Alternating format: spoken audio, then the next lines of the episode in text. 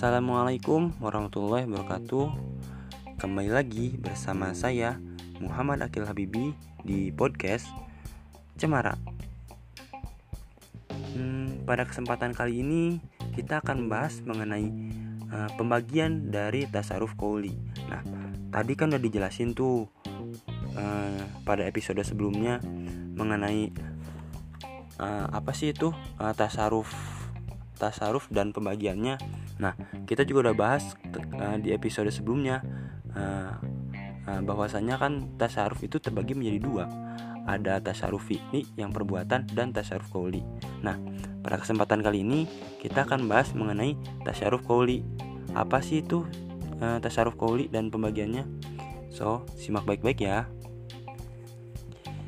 Jadi, tasaruf kauli itu terbagi menjadi dua bagian yang pertama ada tasaruf kauli akdi atau uh, ya tasaruf kauli akdi dan tasaruf kauli ghairu akdi. Nah, apa sih itu tasaruf kauli akdi itu? Nah, tasaruf kauli akdi adalah suatu yang di adalah sesuatu yang dibentuk dari dua ucapan dari ucapan dua belah pihak yang saling ber, berkaitan yaitu dengan mengucapkan ijab dan kobul.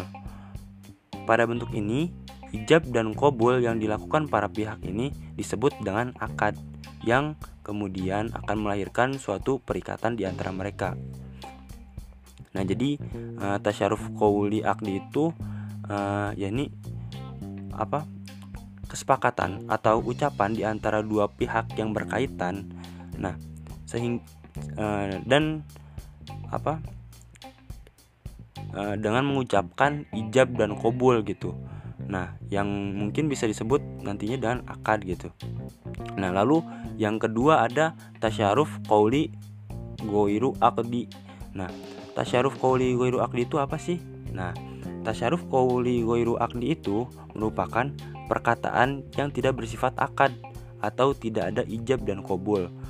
Perkataan ini adalah ada yang berupa pernyataan, ada yang berupa perwujudan gitu.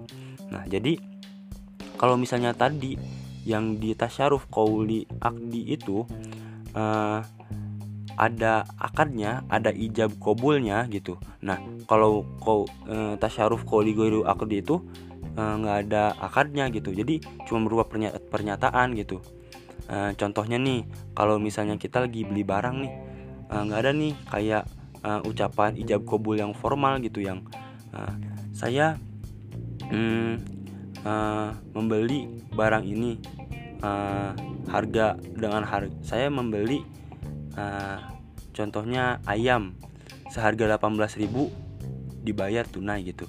Nah, lalu si pihak uh, selanjutnya yang satunya lagi tuh dia uh, menerima apa menyatakan juga saya menerima uh, uangnya uh, sebesar 18.000 uh, atas pembelian ayam uh, dibayar tunai kayak gitu kan. Nah kalau untuk tasyaruf kaul itu itu nggak ada ijab dan kabulnya gitu. Jadi cuman berupa pernyataan kayak pak saya beli ini saya beli ayam pas satu. Nah cuman gitu doang. Jadi tanpa adanya ijab dan kabul gitu. Seperti itu. Sekian dari pembahasan kali ini. Uh, terima kasih. Assalamualaikum warahmatullahi wabarakatuh